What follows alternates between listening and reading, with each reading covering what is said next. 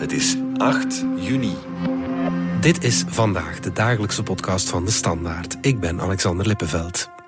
Voor we aan de podcast beginnen, nog even deze boodschap. Want de Standaard heeft een gloednieuwe nieuwsapp. Wil je meer verhalen achter de feiten, betrouwbare informatie, maar ook inspiratie? Lees dan elke dag onze uitgebreide journalistiek in de nieuwe nieuwsapp van de Standaard. Download nu DS Nieuws in jouw App Store.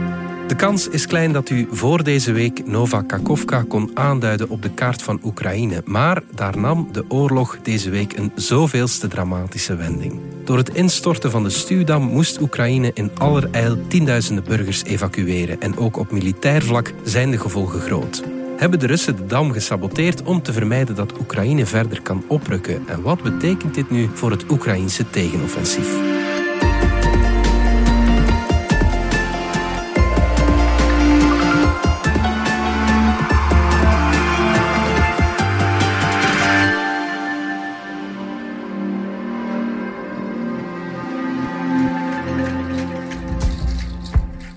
Dominic Minten van onze buitenlandredactie. Jij volgt de oorlog in Oekraïne al uh, een hele tijd, maar ik neem aan dat jij voor deze week misschien ook nog niet van uh, Nova Kakovka had gehoord. Ik moet eerlijk bekennen, ik had er wel van gehoord. Oké, okay. dat is goed. Dat uh, sterkt jou in je autoriteit. Nee, het is, de dam is al, kwam eigenlijk eind vorig jaar al ter sprake. -hmm. Toen de Oekraïners aan het oprukken waren richting Gerson, -hmm. de grote stad die ze wilden heroveren, die ze uiteindelijk ook heroverd hebben in november. In het, in het zuiden. In het zuiden, in het zuiden van Oekraïne. Toen al uh, waarschuwde Zelensky dat de, die grote dam daar, dat de Russen die hadden, uh, hadden mijnen aangelegd rond die dam en dat er plannen waren om die eventueel op te blazen. Dus toen al had uh, Zelensky daarvoor gewaarschuwd dat de Russen met dat idee spelen. Ja, sindsdien staat die dam op de radar. Misschien moeten we het even duidelijk situeren waar, waar we ons juist bevinden. Hè. We ja. kennen de landkaart van Oekraïne intussen ja, uh, dus, vrij goed. Maar... Ja, we zitten dus in het, inderdaad in het zuiden van Oekraïne. Mm -hmm. De provincie Gerson is een van de vier provincies die eigenlijk door de Russen officieel zijn geannexeerd. Hè. De Poetin heeft die sinds september, september vorig jaar, uh, uitgeroepen tot Russisch grondgebied. Mm -hmm. Nu, hij controleert die absoluut helemaal niet, die vier provincies. Mm -hmm. dus het is slechts deel daarvan. Gerson is daar één van. Ja. De, we zitten ook de, aan het uiteinde, waar de, de in de, de Zwarte Zee uitkomt. Eigenlijk. Het is ook een, richting de haven van Gerson. Een beetje stroomopwaarts ligt dan die dam. Ja, oké. Okay. En eigenlijk tussen Gerson en de kerncentrale van Zaporizhia. Zaporizhia, ja. Daar uh... eigenlijk in het midden eigenlijk ongeveer tussen de stad Gerson en de kerncentrale van Zaporizhia ligt deze dam. Ja. Daar vertrekt ook een kanaal, een belangrijk kanaal op dat punt, richting de Krim. Mm -hmm. Want we zijn ook niet zo ver van de Krim verwijderd. Gerson is eigenlijk, als de Oekraïners de Krim willen heroveren, is eigenlijk de snelste weg, de kortste weg oprukken vanuit Gerson. Dus de Djeper oversteken en dan uh, zitten ze eigenlijk op 200 kilometer ongeveer van de poort naar de Krim. Daar lag dus een stuwdam, die is nu gebarsten. Dinsdagavond kwam een spoedzitting van de VN-veiligheidsraad samen. We luisteren even naar wat de ambassadeurs van Oekraïne en Rusland te zeggen hadden. This is a terrorist act against Ukrainian critical infrastructure that aims at causing as many civilian casualties and as much destruction as possible. Eerste Oekraïense ambassadeur die wees naar Rusland. Russia has been controlling the dam and the entire Kakhovka HPP for more than a year. It is physically impossible to blow it up somehow from the outside by shelling. It was mined by the Russian occupiers and they blew it up. Dan de Russische, die wees naar Oekraïne. Предпринятая Киевом преднамеренная диверсия против объекта критической инфраструктуры носит крайне опасный характер и, по сути, может быть отнесена к разряду военных преступлений или теракта. Dominique, ja, wat is het nu geweest? Wie... Uh, ja, officieel weten we het nog niet. -hmm. uh, er is zelfs een scenario of een, een, theorie die zegt van de dam is vanzelf ingestort. -hmm. Omdat het, uh, de, de, Russen hadden het water in dat stuwmeer heel hoog laten oplopen. -hmm.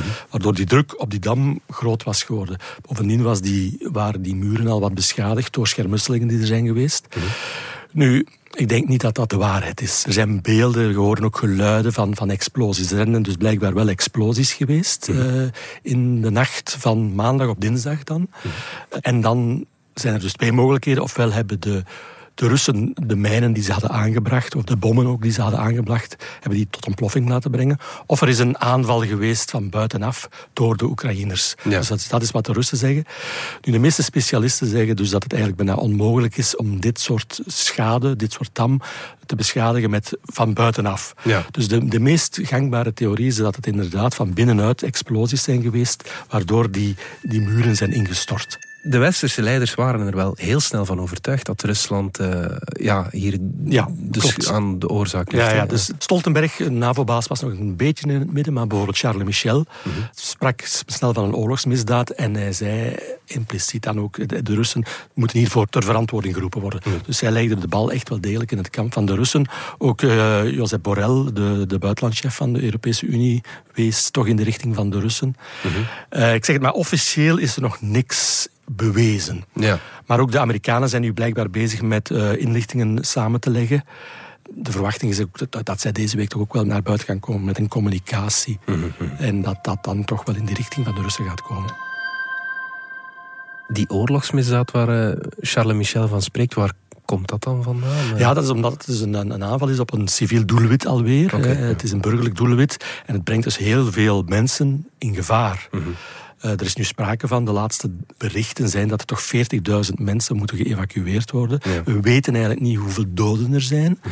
Er zijn wel mensen vermist, dus dat doet wel vermoeden dat er weer waarschijnlijk honderden burgerslachtoffers zijn. Gisteren bleef het water heel snel stijgen. Ja. Hoeveel dorpen precies weten we niet, maar het gaat echt wel over tientallen dorpen aan beide kanten van de rivier ook. Oké, ja, ja. Dat is ook zoiets zeer absurd. De, de Russen zitten nog aan de oostelijke kant van de rivier. Ja. Die is eigenlijk het zwaarst geïmpacteerd door de overstromingen. Ah ja. Eh, nu, daar wonen dus vooral Oekraïners, voor alle duidelijkheid. Maar de Russen hebben dat gebied zogezegd onder controle. Hebben dat Mhm. nog onder controle.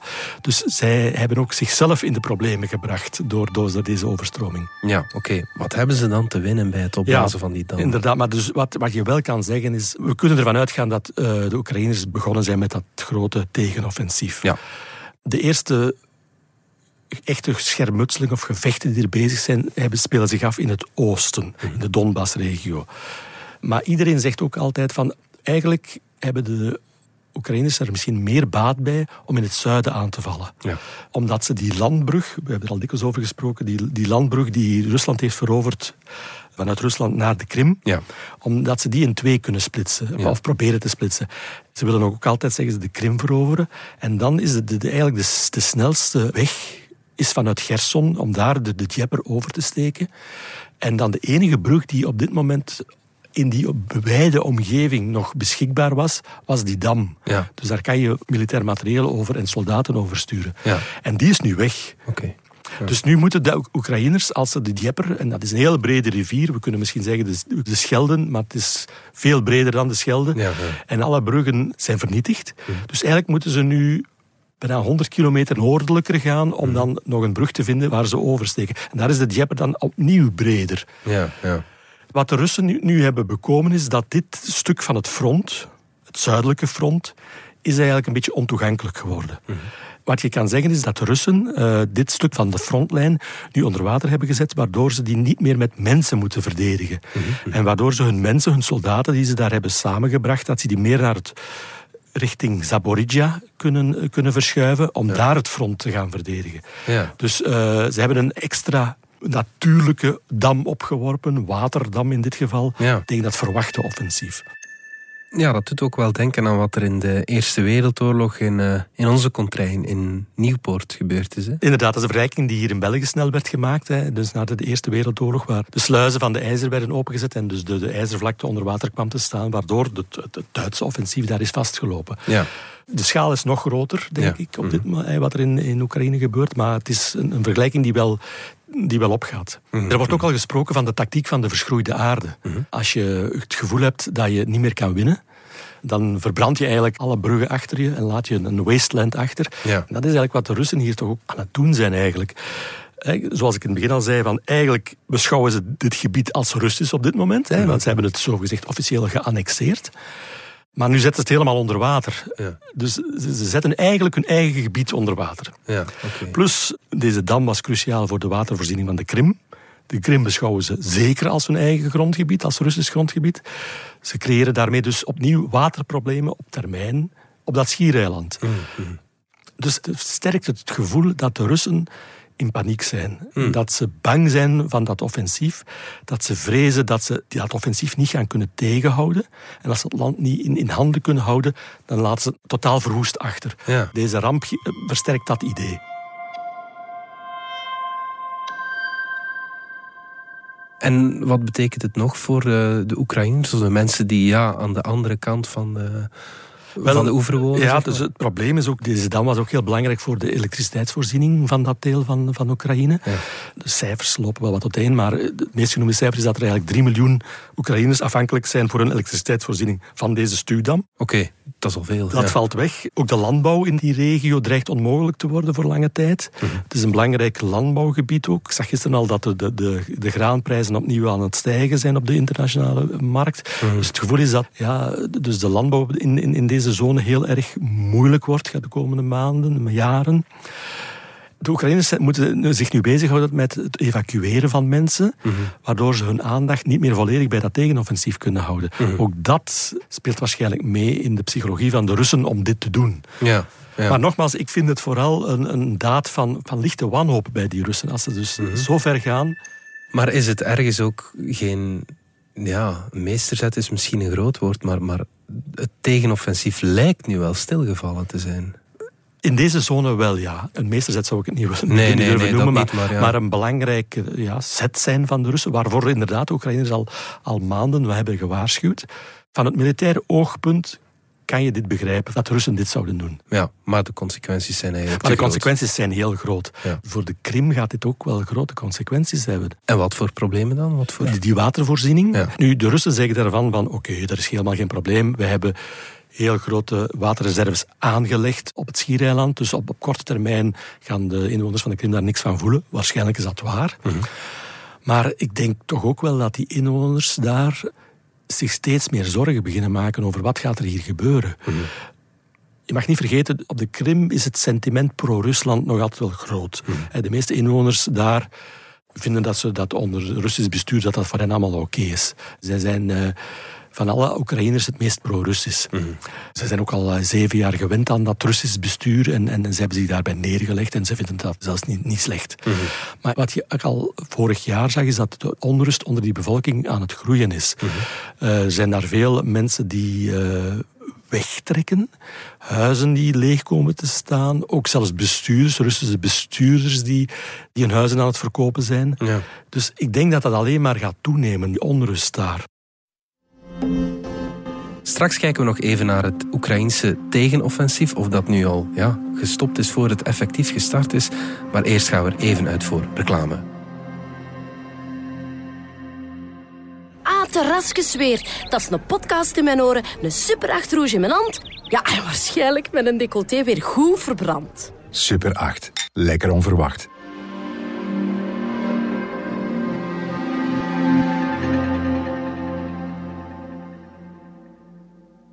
Dominique, dat eh, tegenoffensief, we haalden het al even aan, dat werd maandenlang al verwacht. Dat leek nu begonnen, maar het lijkt nu ook al gestopt. eh.